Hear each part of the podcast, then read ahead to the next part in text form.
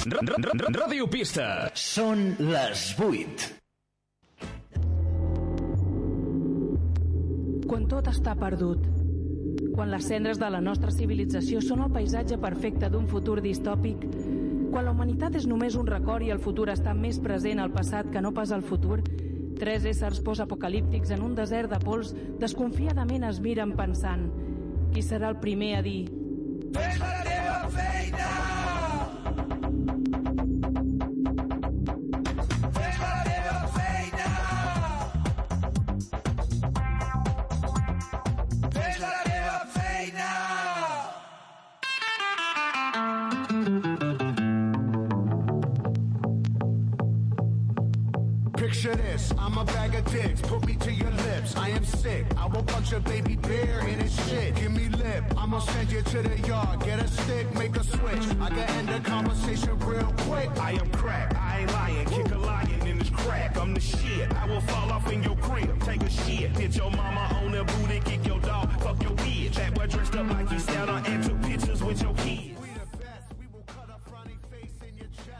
Abans de començar, demano disculpes per totes les proves estúpides que estem fent per totes les xarxes socials. Busquem el millor per tots, però algun dia ja ho aconseguirem.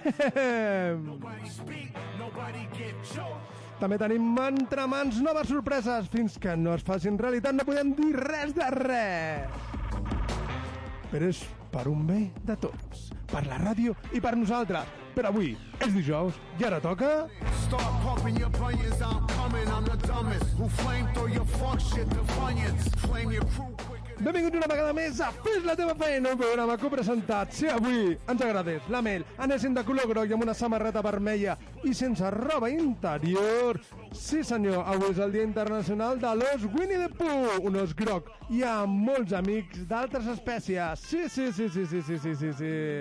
Esteu pensant el mateix que jo i aquesta vegada no estic pensant en un gelat de maduixa amb molta nata. Nobody speak,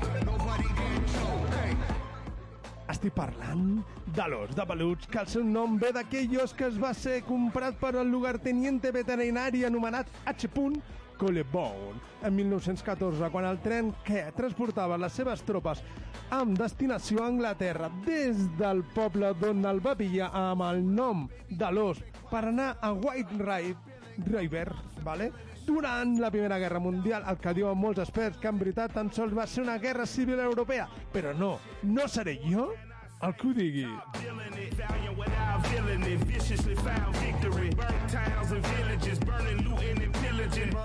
Però el lugarteniente H. Colombo no sé per què collons va comprar un cadell 2. Segur que no tenia ni idea del que costa alimentar un cadell 2. Ai, 2.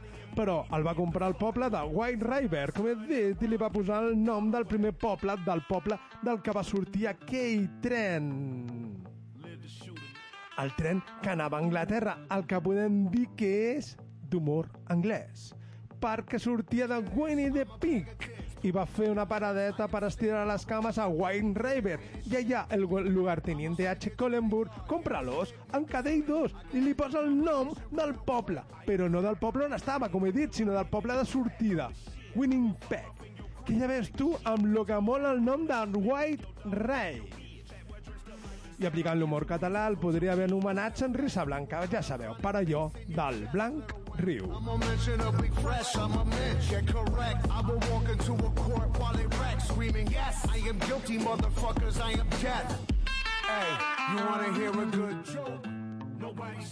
Sisplau, no em demaneu explicacions i deixeu-me o deixeu fluir la vostra imaginació. Jo no vaig comprar cap os, jo sols explico una història. Música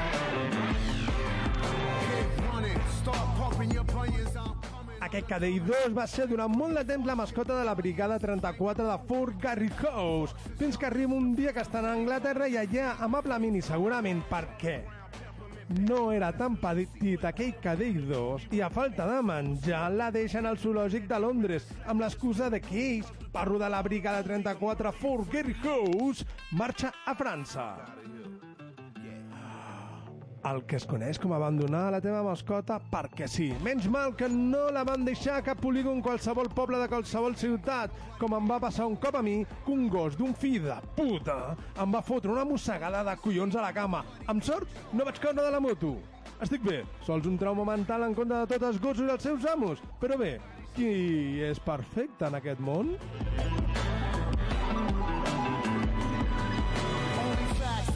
Up. Baby duck if it quacks with a cop. Winnie the Pooh és, com es deia, o es diu la creació d'Alan Alexander Miller i es basa en la idea de l'os de peluix del seu fill Christopher Rubin Milne que aquest un dia, que aquest un dia en el zoològic de Londres va agafar prestat el nom d'aquell os comprat per al lugarteniente veterinari H. Collenburg amb el nom del primer poble del trajecte del viatge de la Brigada 34 de Fort Gary House. Alan Alexander Mille el que va crear és un conte per al seu fill com a personatge de peluts que té. Així com va fer J.R.R. Tolkien per als seus fills. S'ha de dir que lo de Pooh ve perquè a la seva presentació literària, Alan Mill descriu a l'os amb els braços engarrotats d'estar agafant un globus molt fort i, els, i no els va poder tancar durant una setmana, així que cada vegada que una mosca se li posava al nas, ell sols podia bufar amb la boca.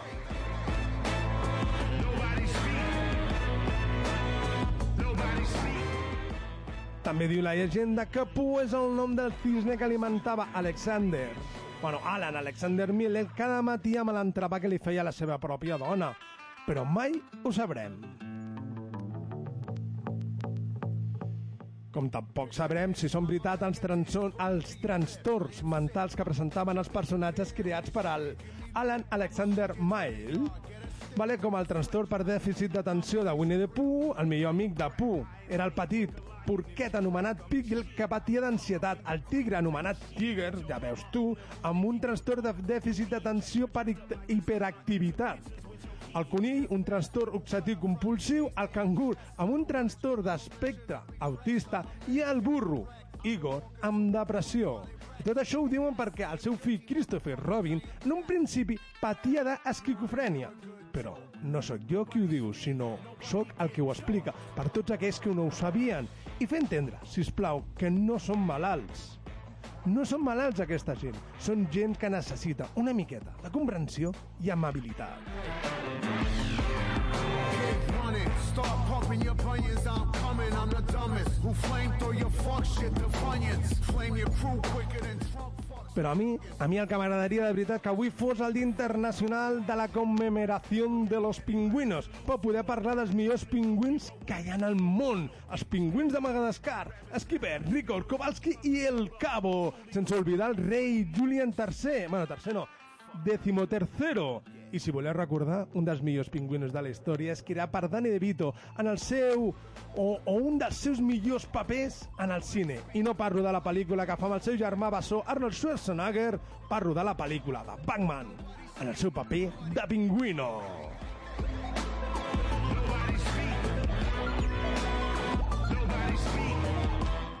Maleïts millennials que no sabeu de què estic parlant. I com no, quines ganes que avui fos el Dia Internacional de l'Abraçada. A dos mans, si plau, a dos mans. Però sense anar directe a l'esquena. Primer una guàrdia i després agafar en directe. Can I say we top it? Valiant it. Viciously found. I com a tip d'aquesta petita eh, abraçada, això poca gent sap de què estic parlant. Com m'agradaria que ho poséssiu als comentaris d'alguna de les meves xarxes socials del programa. Ja sabeu, ens trobareu to, to, en totes les xarxes socials sempre buscant Fes la teva feina, on pots deixar la teva opinió o la teva crítica. I ara el teu comentari sobre l'abraçada. I abans de, de començar, recordeu que també eh, podria ser el Mundial de la Neu i recordar el Brook Mountain de Juan Antonio Bayona que no sé, que no sóc jo, o no seré jo, que digui que algun dia l'analitzarem a la secció de pel·lícules no vistes.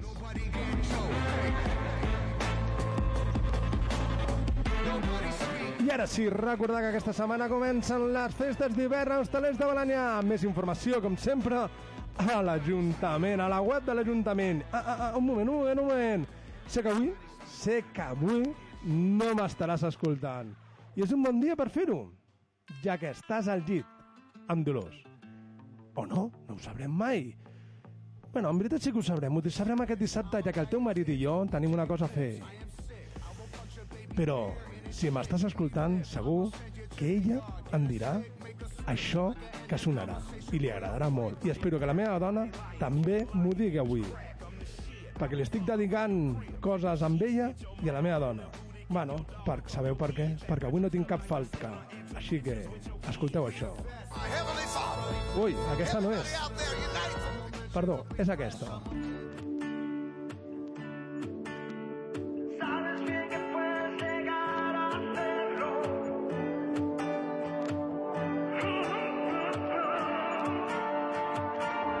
La vida es un baile, un soplo de viento, un encuentro. La página en blanco, perdida en un cuento. La vida es presente, futuro y recuerdo. Tendrás que alcanzarla, sentir cada instante. Perder la gravedad para volar y que no se escape. Escuchar al instinto, sabrás lo que tienes que hacer. El mundo es la fruta que vas a morder.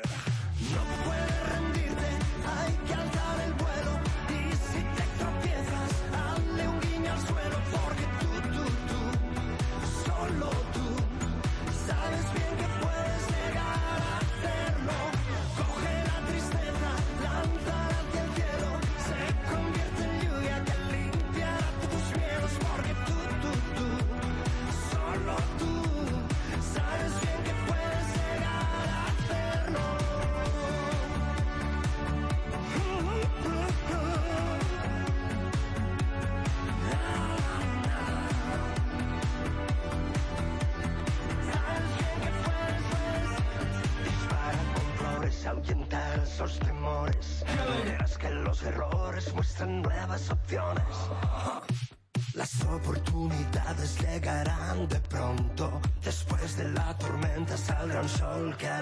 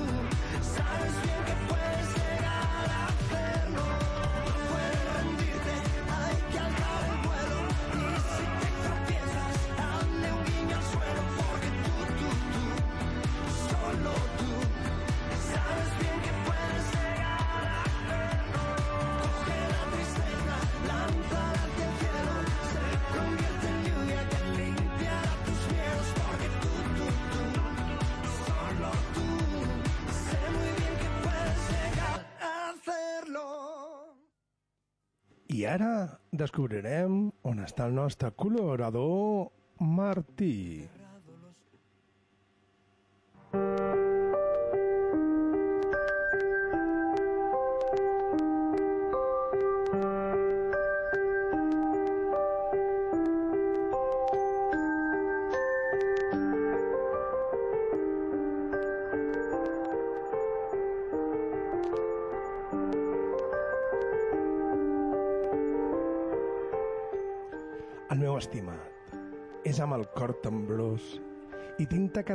Misteri comparteixo la següent parada de la meva travessia. Un lloc on els límits entre allò terrenal i allò infernal semblen des desdibuixar-se. A Sant Lluís, amb les seves ombres allargades, em va conduir a la porta d'aquella casa que acull el ressò d'horrors indescriptibles. En aquesta ocasió, la meva recerca del, del desconegut em va portar a una família tormentada per la presència d'un dimoni. Les parets de la casa seva, testimonis silenciosos d'esdeveniments aterridors, retenen els secrets d'un regne del més allà de la nostra comprensió. La família, amb els ulls carregats de terror i ànimes fatigades, va compartir amb mi les experiències que han enfosquit els dies i turmentat les nits.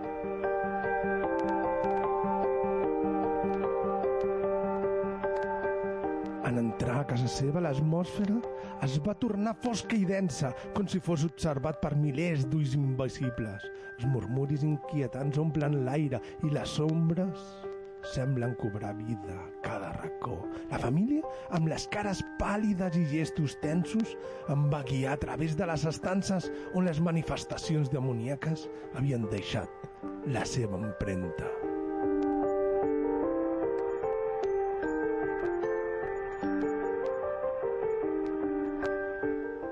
La sala d'estar, la família va assenyalar una, una ubicació on objectes es movien sense explicació, com si fossin manipulats per una força invisible.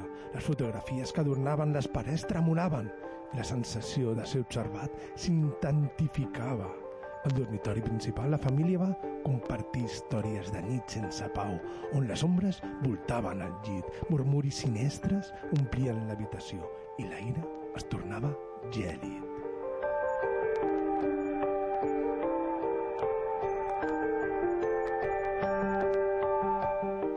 Els somnis, plens de malsons, s'entrellatzaven amb la realitat. Deixaven la família exhausta i desesperada per respostes.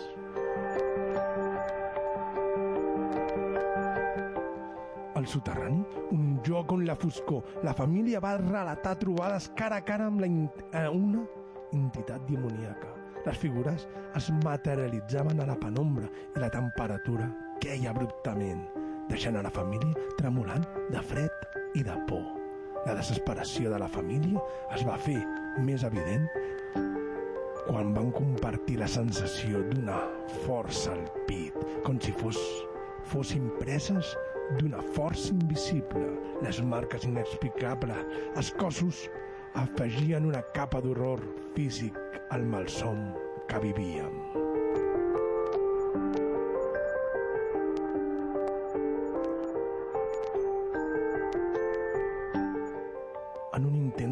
Documentar aquestes experiències inquietants, vaig gravar els relats de la família, capturant el terror palpable a les seves veus.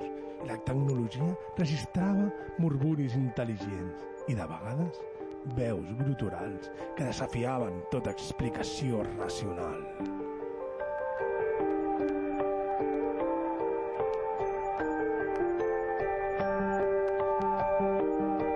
Estimat oient, aquesta carta no pot fer justícia a la intensitat del que vaig presenciar a Sant Lluís. La lluita d'aquesta família contra el mal indescriptible ha deixat secretius en la meva pròpia percepció de la realitat. Espero que aquestes paraules hagin aconseguit transmetre l'atmosfera carregada de misteri i de terror que plana sobre aquella llar turmentada. Estic ansiós per compartir les, els meus detalls quan ens tornem a trobar. Amb estima, Martí.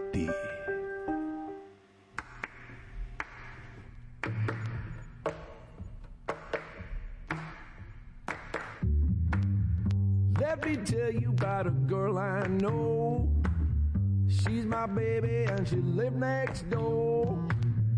In the morning when the sun comes up, she brings me coffee in my favorite cup. Yes, I know. Yes, I know. Hallelujah. I love her so. When I'm in trouble and I got no friends, I know she stay with me right to the end. People ask me just how I know. I smile at them and say she told me so. Yes, I know. Yes, I know. Hallelujah. I love her so. When I call her on the telephone and I tell her that I'm all alone. All I gotta do is count from one to four.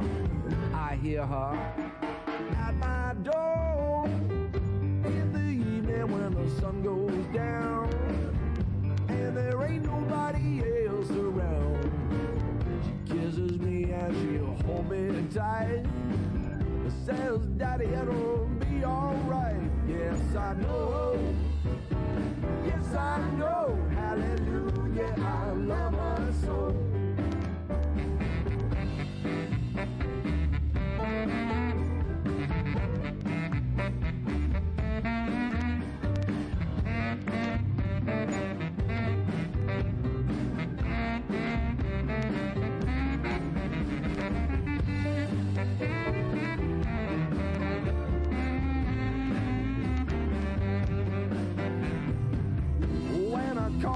On the telephone.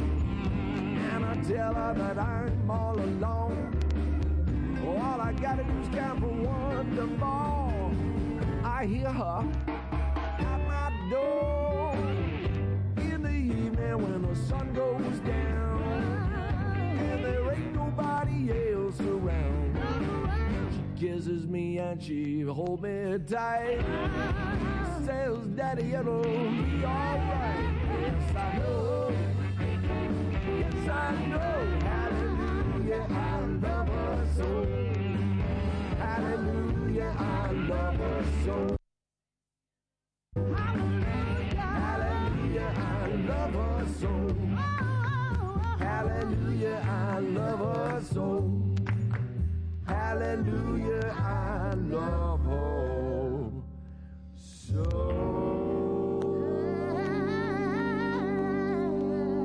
Mangosta. La mangosta mata la cobra. La mangosta es el mejor animal. La mangosta mata la cobra. La mangosta es el mejor animal. Mangosta. ¿Sabe lo que es la mangosta? Es un mamífero roedor. Mangosta. Mandídese si quiere recoger. Mandídese si quiere recoger. Mandídese si quiere recoger. Mangosta. Mandídese si quiere recoger. Mandídese si quiere recoger. Hoy es mangosta. Mandídese si quiere. Avui, a la Mangosta, l'edat mitjana.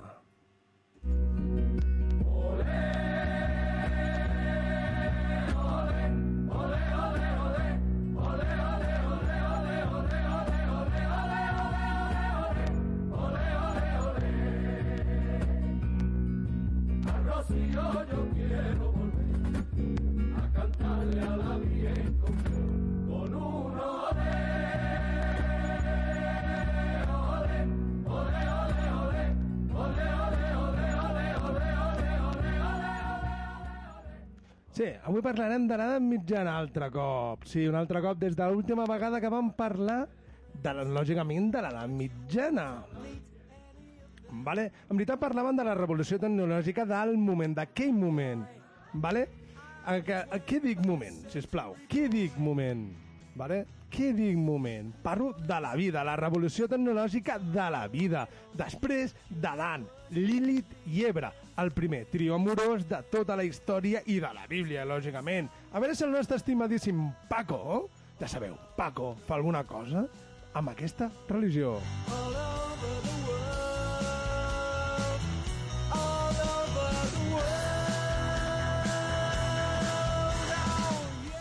Però tranquil, hi ha més, encara hi ha més, perquè la, la evolució i la revolució de la cervesa no es queden terres de les piràmides, com van dir en aquell programa, i si no estic equivocat parlo del 16 de novembre del 2023. Conformity's dead. So why don't I just raise you up instead?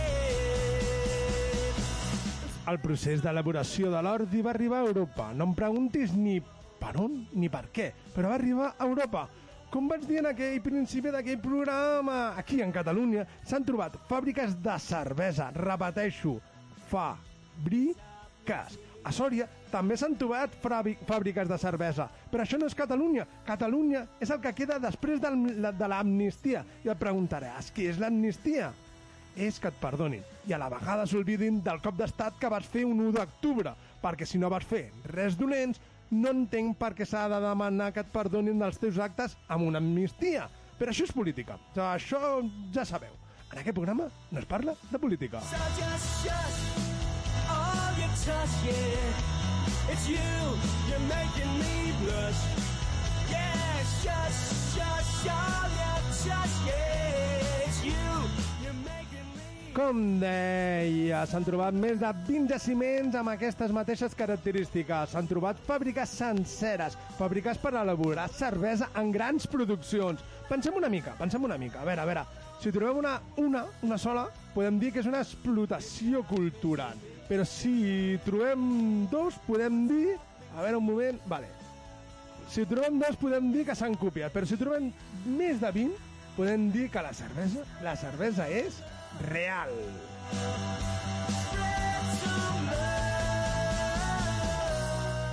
A Europa, la gent bevia cervesa abans que el vi. I és així, com he dit, indirectament salvava, salvava la vida de la gent que consumia aigua dels rius contaminants. Contaminats, perdó. I per què estaven contaminats? Com van dir en aquell programa, veníem d'una Roma, d'una Grècia que dins de lo dolent es mantenia una higiene personal de puta mare, amb termes i llocs on gaudir de la teva bellesa i de la teva higiene. Van passar a una edat mitja europea on, va, on vivíem en cases de dos plantes, on la part de baix teníem les quadres i els solls dels porcs que alimentàvem el calor del primer pis on nosaltres fèiem vida. Passàvem d'una higiene relativa a una higiene fosca, com el període on estem. I d'aquesta manera, no se sap molt bé, fèiem el que fèiem a les coses al riu. El que acaba de ser una aigua contaminada.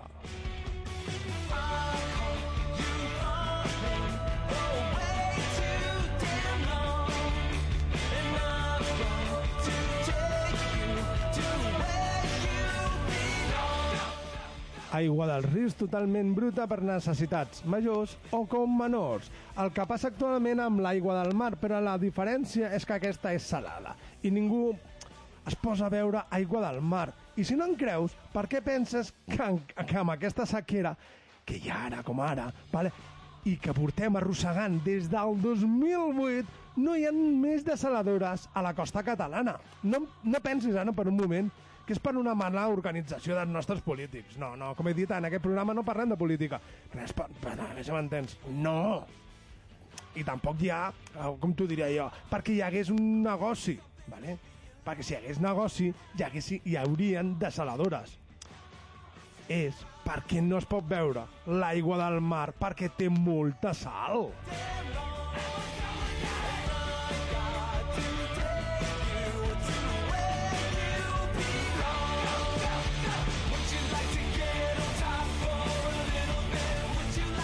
Lògicament, no em vull desviar del tema principal, però que es noti que hi ha una miqueta d'ironia amb les meves paraules, eh?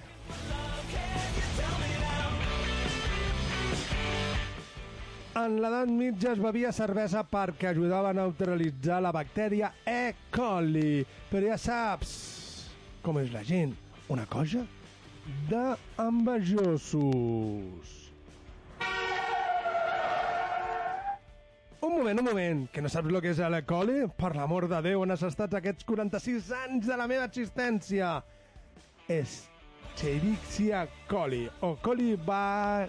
És una de les principals espècies dels eubacteris que viuen a part més baixa dels instantins dels animals de sang calenta, incloent els ocells i els mamífers i són necessaris per una correcta digestió dels aliments. La seva presència en aigua subterrània és un indicador comú de la contaminació fecal. En petites quantitats no passa absolutament res. La majoria no produeixen una patologia i viuen en l'instant- en l'instantí de l'home i dels mamífers sense causar malalties com a flora instantinal normal. El tipus de patologia més freqüent que produeixen són les infraccions de, com t'ho diré jo, de tracte urinari i la gastroenteritis. Moltes d'aquestes bactèries poden, ac- poden actuar com a patogen oportunista. El E. coli és, és el principal agent causal de, set, de i també produeix un tipus de meningitis.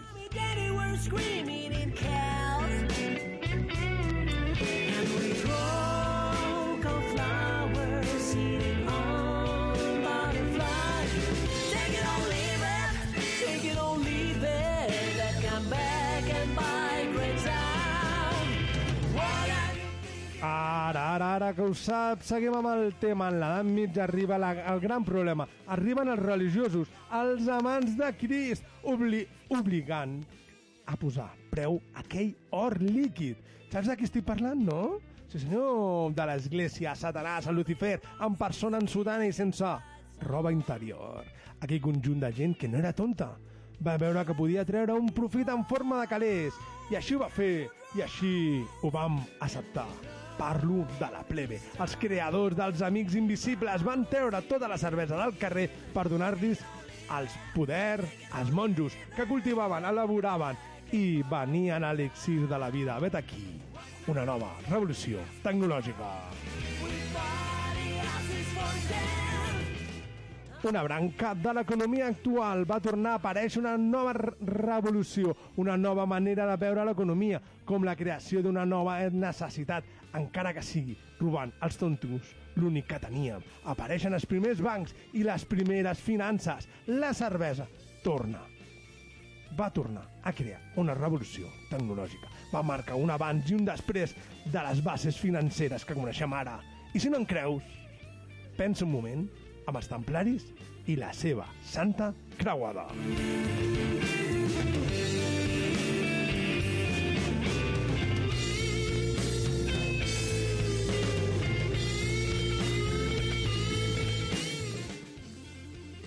Però si vols saber més de la revolució i de la nostra evolució com a espècie, tal com va dir Charles Darwin, has de sentir el programa del dia 16 de novembre, em sembla, del 2023. Però avui jo volia parlar... A veure com t'ho dic jo. Volia parlar del medievolo. O del medievo. I et preguntaràs per què vull parlar d'això? Perquè un dia d'aquells que no estava fent res de res és a dir, estava dins de la meva jornada laboral entre paquets, cartes i poques ganes de treballar, que quedi clar, que no sóc d'aquells que deixa el paper groc a la bústia i marxen corrents perquè fer esport fora del meu temps d'esbarjo, tampoc. Així que estava entre cartes i sense fer ni brot, que eh, d'alguna manera espiritual vaig posar-me a pensar, sí, sí, a pensar.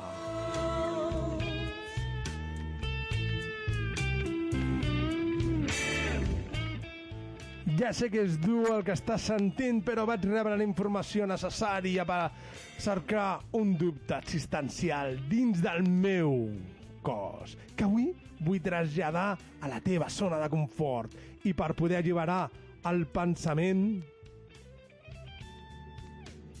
Un moment, eh, que m'ha sortit una cosa i no sé què és. Vaig, eh, sí que vaig alliberar el meu pensament negatiu d'aquesta exposició espiritual. Vaig pensar i vaig agafar el guant d'una proposició, d'una proposició de tema per part d'un oient. I és aquesta. Serien capaços de sobreviure un dia enmig de l'edat mitjana? He aquí la meva opinió.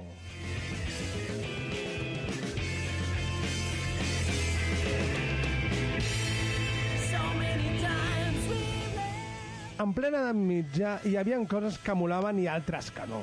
Teníem temps lliures, però no hi havia wifi. Recordem que saps llegir i els que t'envolten no saben llegir. Amb la qual no hi havia quioscos o biblioteques per anar a passar el temps. És a dir, una paradoxa. Tenia temps lliure, però no hi havia wifi, però no hi havia biblioteques per perdre el temps.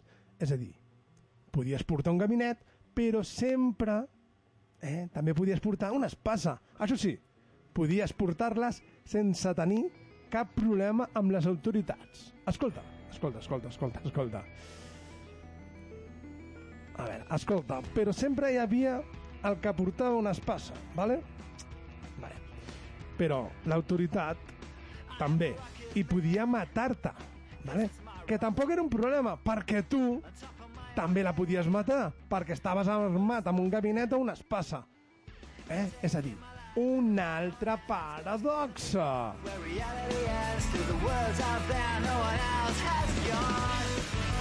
No em miris així, recorda que estem a l'edat mitjana, tampoc hi havia problemes en el canvi climàtic, podies cagar al riu o ser devorat per un os mentre estaves fent tu. I et puc assegurar que el gabinet i l'espassa poca cosa podien fer contra un os famèlic. Doncs, benvingut, vale? a l'edat medieval. The sound of hoofbeats cross the glade.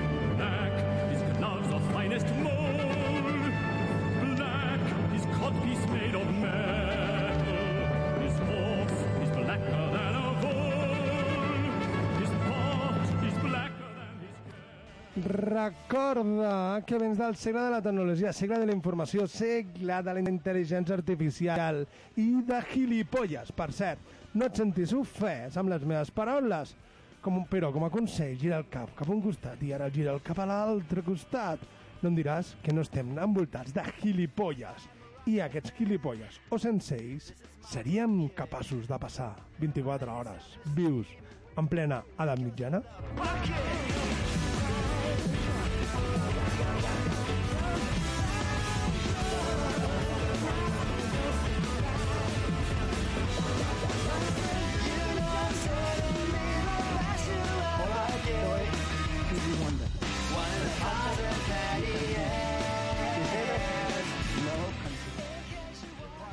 parla... Hem parlat del E. coli, però posem una mica de context. Parlar del descobriment de les Amèriques per un tal italo- italo-català Cristòfol Colom és parlar molt de dalt de l'escala de les coses sense sentit de la història convencional que ens ensenyen a l'escola.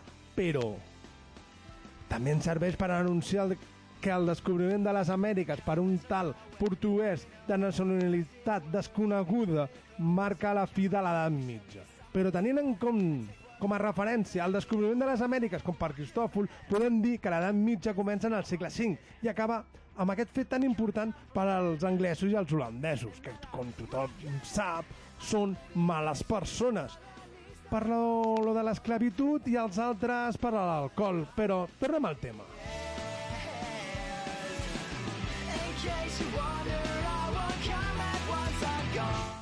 Cristòfol arriba a les Amèriques mm, de molt bon rotllo, allà fa els primers truco i trato de la història, fins que fins i tot abans que els propis holandesos sapiguessin a què, a que, fe- bueno, fessin aquesta festa pagana que hi ha últimament, val? fa el truco i trato amb els autòctons d'allà, que podien dir que són els mexicans.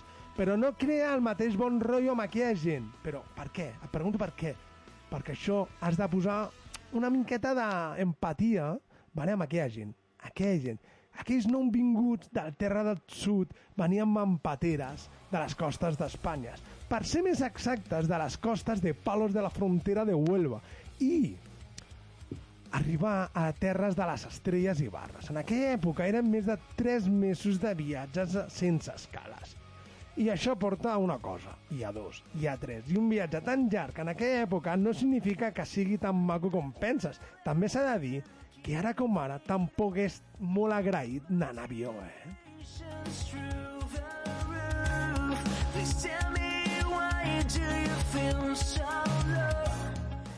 Un d'aquells problemes és quasi impossible de solucionar. Crec que encara que portessin llimonada per fer calimutxos, més d'un mariner arribaria amb escorbuto. I no parlo del grup de música, sinó de la malaltia. Per aquells nous millennials que no sàpiguen qui va introduir la llimonada en els viatges en vaixells, va ser el doctor James Lane. Res de l'altre món, eh? un metge que va estar fent proves i assaig clínics sobre un vaixell. Diu la llegenda que va ser sobre 12 mariners que havien patit malalties típiques d'estar molt de temps en el mar. La gràcia d'aquest descobriment és que va salvar la vida de molts mariners en el segle XVII. Sí, has escoltat bé, segle XVII. A les Amèriques els van ser descobertes al segle XV, així que segur van arribar amb escorbuto. I punto. I què és l'escorbut, et preguntaràs? És una gran pregunta que em fas. És la carència de vitamina C en l'alimentació i es tradueix amb la debilitat en general, gingivitis, hemorràgies i la mort. En resum, malalties que, se, que sense cura, a part de l'higiene personal de cada mariner, que arribaven tots amb més pudor que, que les concentracions de hippies en els anys 60 en els concerts dels Beatles.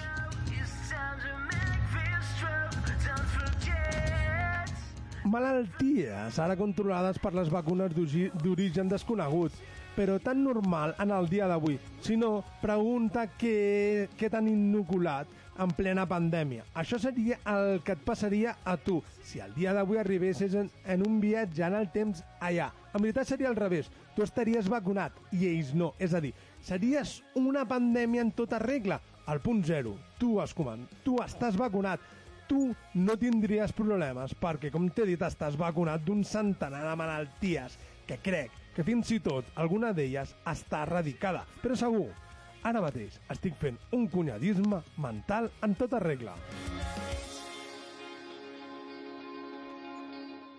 I on vull arribar amb aquesta conclusió? Que viatjar al passat no és un problema perquè tu ets el problema, però viatjar al futur sí.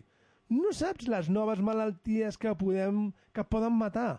Per això crec que, sí, que els viatges en el temps haurien d'estar prohibits per al mateix motiu que van, que, que van produir tots aquells nous con, conqueridors, vale? conquistadors en el nou món, les malalties.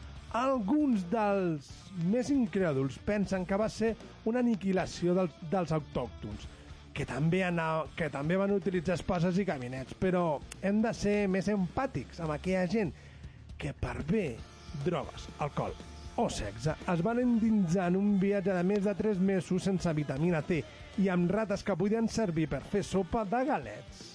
Eh? Com portar la pròpia ràbia.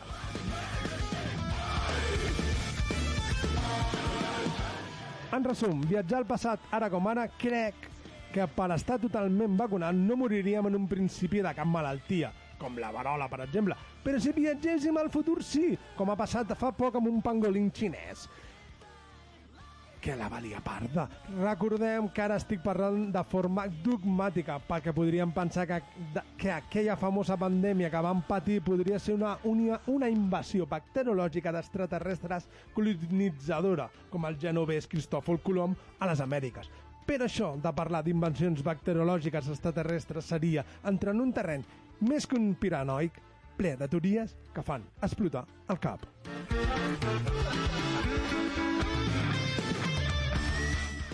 Respecte a les bactèries i a les enfermetats més comuns de l'edat mitja, hem de pensar que no, que no arriba o a fer el viatge en el temps entre 1300, 1346 i 1353, perquè no seré jo qui digui que jo estic en les meves millors condicions físiques, perquè no sé si podria sobreviure a la peste negra, una de les pitjors pandèmies d'aquella època, i sense solució. Escolta, sense pensar en la tuberculosis d'aquella època. I ja que parlem de malalties, podríem parlar de la medicina. Uf, no, no, no vull parlar. En veritat sí, què vols? Sí, sí, sí, sí.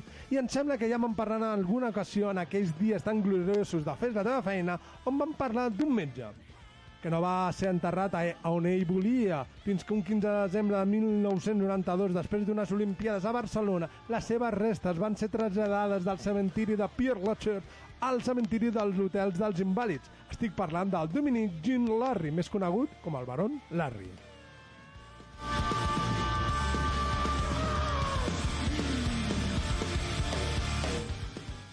Ell, l'home que va fer o va crear els principis de la sanitat militar moderna. El que podem dir l'inventor de mèdica.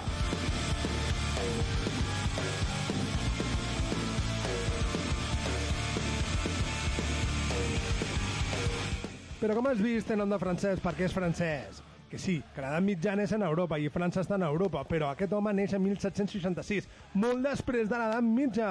I amb això vull dir que en un principi la sanitat o la higiene podia ser un altre motiu de la mort en l'edat mitja. Infeccions en les mossegades de l'os per anar a cagar al riu, per exemple, o les ganivetades dels membres de les autoritats. Com ja hem dit, i recorda altre cop que la mortalitat infantil era molt alta i gràcies a aquella sopa d'ordi salvaven més vides del que pots imaginar. També no hi ha res de dolent, de dolent en recordar que l'edat que la mitja de l'esperança de vida era de 35 anys. El que podem dir que amb 35 anys ja eres una persona avançada i amb sort, amb nets, vale? vius, això sí, vius. No com ara, que encara no has marxat de casa dels teus pares. gone away and there's something changing almost every day i feel you on the move every day Ara no vol dir parlar malament dels remeis d'aquella època, com tampoc parlar malament dels metges d'aquella edat, d'edat mitja. De recordar que per un mòdic preu et treien un queixal i et tallaven els cabells. Ja sabeu, allò de dos por uno de tota la vida. Si no estic equivocat, el remei, el remei més comú o el més utilitzat en aquella època era la sangonera per als remeis mèdics que portaven analgèsics, vasodilatadores, antiinflamatoris, bacteriosanitaris, anticoagulants i reguladors i com a efectes degradius i antimicrobians. Res de l'altre món de l'edat mitjana. Com a l'extracte de mòmia per al mal de cap o les boles de ferro roents en el vi per evitar la malària. Ai, perdó, l'anèmia.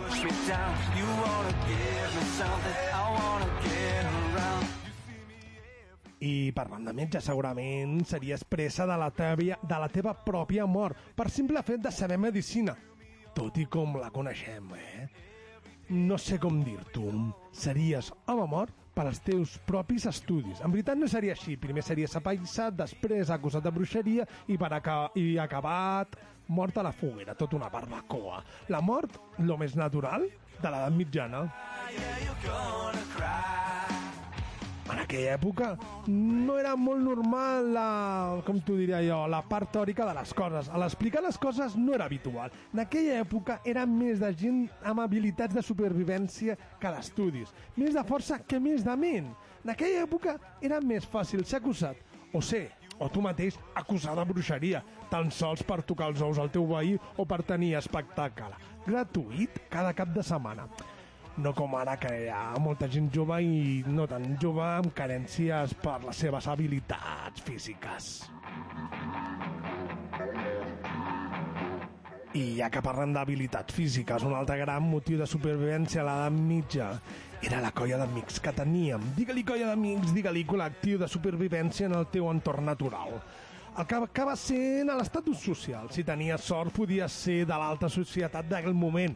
Però no pensis, si és, si és així és que eres una afortunat. Series un 1% de la gent de l'edat mitjana.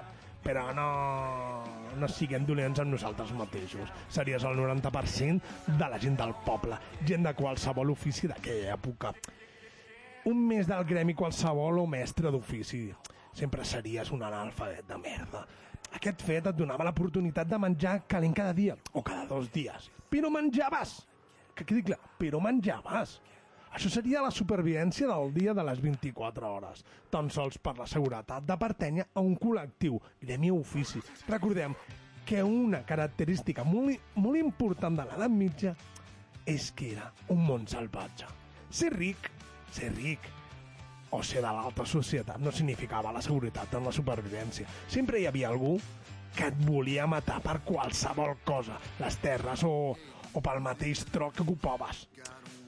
No fa falta que siguis de fora o d'un altre poble, sempre volia, sempre hi havia algú que et volia matar, fins i tot membres de la teva pròpia família, vale? volien ser els teus propis assassins. Ja t'ho he dit, l'edat mitja era un món salvatge i va estar marcada per conflictes de violència gratuïta o, o, o, o guerres, no com ara, que som un país civilitzat i això no passa. A veure, no hi pensis ara en Ucrània, Rússia, Palestina, el Congo, Yemen i a suburbis de París.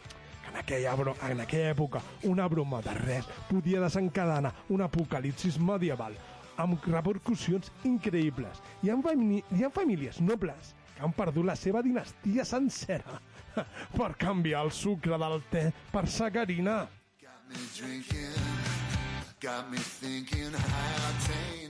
El que avui en dia és o seria una ofensa en, en aquella època seria la guerra total. És com aquests dies de pluja i, i alegrar-te per, per el que senten els vegetarianis en olorar la terra mullada. El mateix que hauria, podria ser comparat amb el que sentim nosaltres, els carnívors, olorant una barbacoa. En aquella època no hi havia humor, ni tampoc hi havia seny. La violència gratuïta era el més normal del que pensem i fins i tot hi hauria l'opció de més violència gratuïta si eres un de l'estatus o un, o un d'un altre. En poques paraules, és com ara. El noble podia exercir la violència gratuïta contra un campesí, però si era al revés, és a dir, el campesí contra el noble, es diu revolta social. Recorda que els jutges, el que és un jutge de la nostra època, no hi havia. Justícia sí, això sí, però era diferent. I no pensis que si eres home o dona hi havia diferències. Sí, sí, sí que les hi havien. Si eres dona uh, i passava per allà la Santa Inquisició, segurament que de bruixa no baixaves.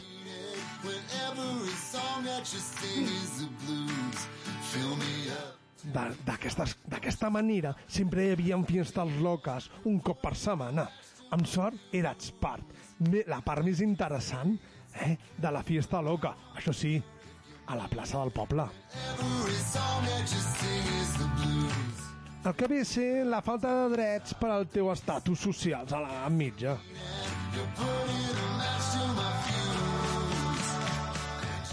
Sempre i quan et deixin viu a la frontera del poble. Perquè aquí viu un altre problema. Com he dit, el col·lectiu en el que pertanys és bo. Però has pensat en els costums de cada poble? I no és un poble, sinó els costums. Si ja viure és difícil a l'edat mitja, imagina si trenques aquell costum d'aquell poble. La pots liar molt, molt parda. Segur, però seguríssim que tornes altre cop a la plaça del poble, perquè si et converteixes en un proscrito ja em diràs tu com aconsegueixes menjar per viure, entre altres coses. I si parlem de menjar, podríem parlar del canvi climàtic a l'edat mitja. Sí, ara com ara podem crear pluges amb no sé què plata i hòsties i esteles per als cels que creen els avions, també podem controlar la sequera, que estem immensos. Imagina't en plena edat mitja en què no plou en fa dies i la teva alimentació depèn de l'ordi que has plantat. Doncs sí, la pèrdua de vida per desnutrició tampoc era el pa de cada dia, però podies perdre la vida per no estar alimentat. I o, i o ser aliment d'un depredador, com aquell os del riu.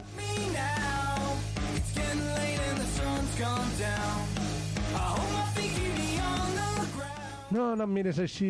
Si ets de, dels que pensa que hi ha una conspiració climàtica en l'actualitat, doncs estàs de sort, perquè tal com hi ha sequera també hi havia períodes de pluges que deixaven els cultius per arròs d'Amposta. No de Tortosa, que no té riu.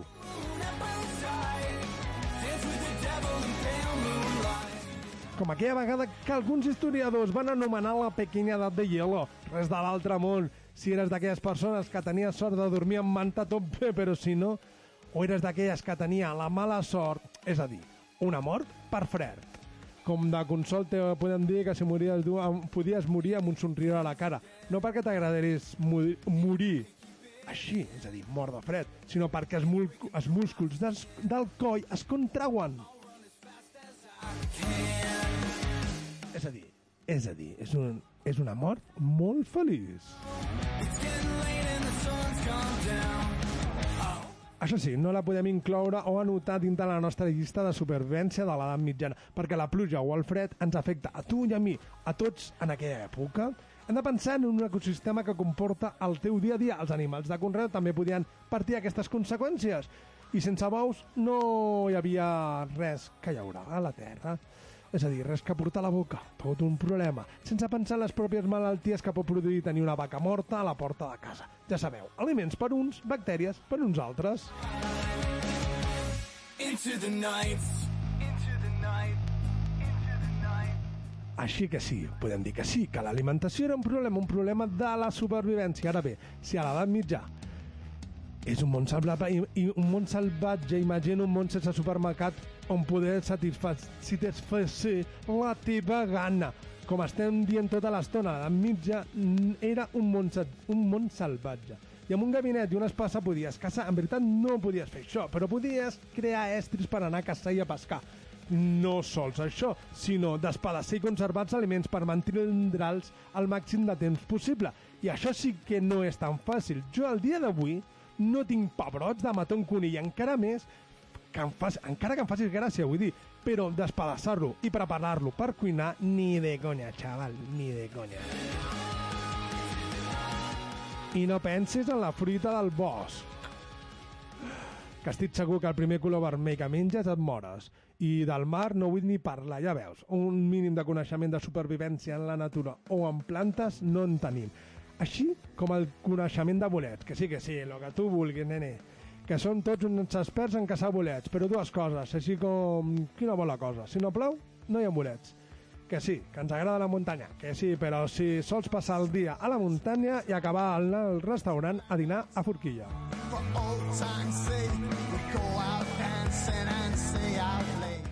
I per acabar no podem acabar sense parlar de les pròpies forquilles. En veritat no deia sinó de la mort per desconeguda per tots. L'enverinament propi o dels altres. A l'edat mitja era molt normal ser enverinat, ja sigui per autoconsum o per afinitat dels altres. El més habitual era la gent noble, era morta o enverinada per plom, ja sigui per consum propi, ja siguin dels seus estris, copes de beure, vi, plats o estris per menjar o tallar el pa, o simplement enverinats per l'ús de les vidrieres de les esglésies o catedrals. El baix preu del plom feia que en aquella època s'utilitzés molt, però el millor envenenament era el produït per al consum de blat, el que coneixem com el pa, l'aliment del dimoni. En veritat no és així, el, eh, és el consum del cornezuelo del centeno, un petit fong anomenat clavíceps púrpura.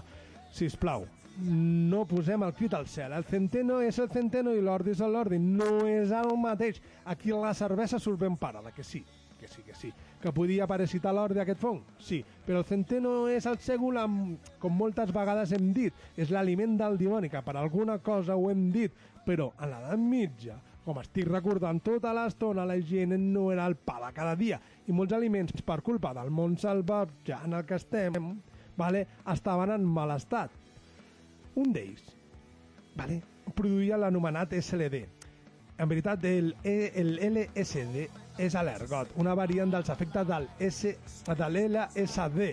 Crec que són amb porcions més petites o més suaus. Però bueno, jo no consumeixo drogues i no sé el que és. I fins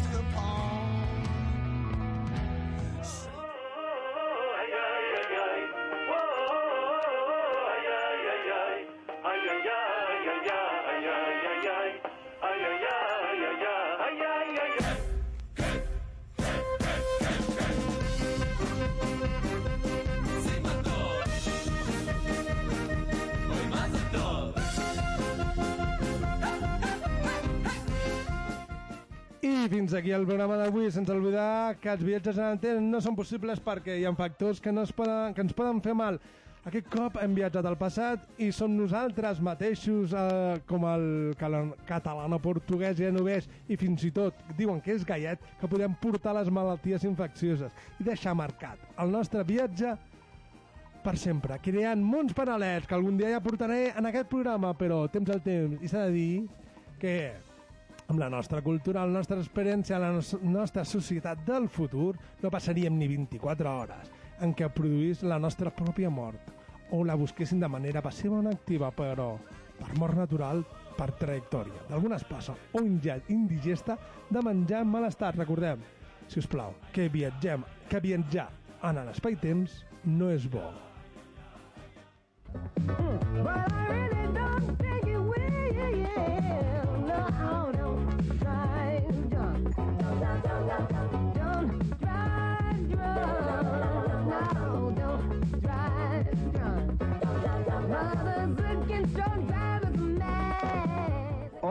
soy Stevie Wonder. Recuerda mi canción. Si bebes, no conduzcas. Recuerda, si bebes, no conduzcas. Ja ho diu Steve... Eh, Steve, eh, és igual. Que si bebes no conduzcas. Ara sí, recordem que ens trobareu totes les xarxes socials sempre buscant fer la teva feina on pots deixar la teva opinió o la teva crítica. I des d'aquí us desitjo una molt bona recuperació a aquella que està al llit, al costat del seu marit, que en res no estar, estaràs caminant, millor dit, de nou, i desitjant que el teu marit marxi de casa per estar completament sola. I ara us convido a unos comerciales abans que arribi el nostre company Pista Fire. I ja sabeu, besitos, canintonias, abrazos i palmaditas en l'espalda i ens escoltem dintre aproximadament de 7 dies. I ara sí, adeu.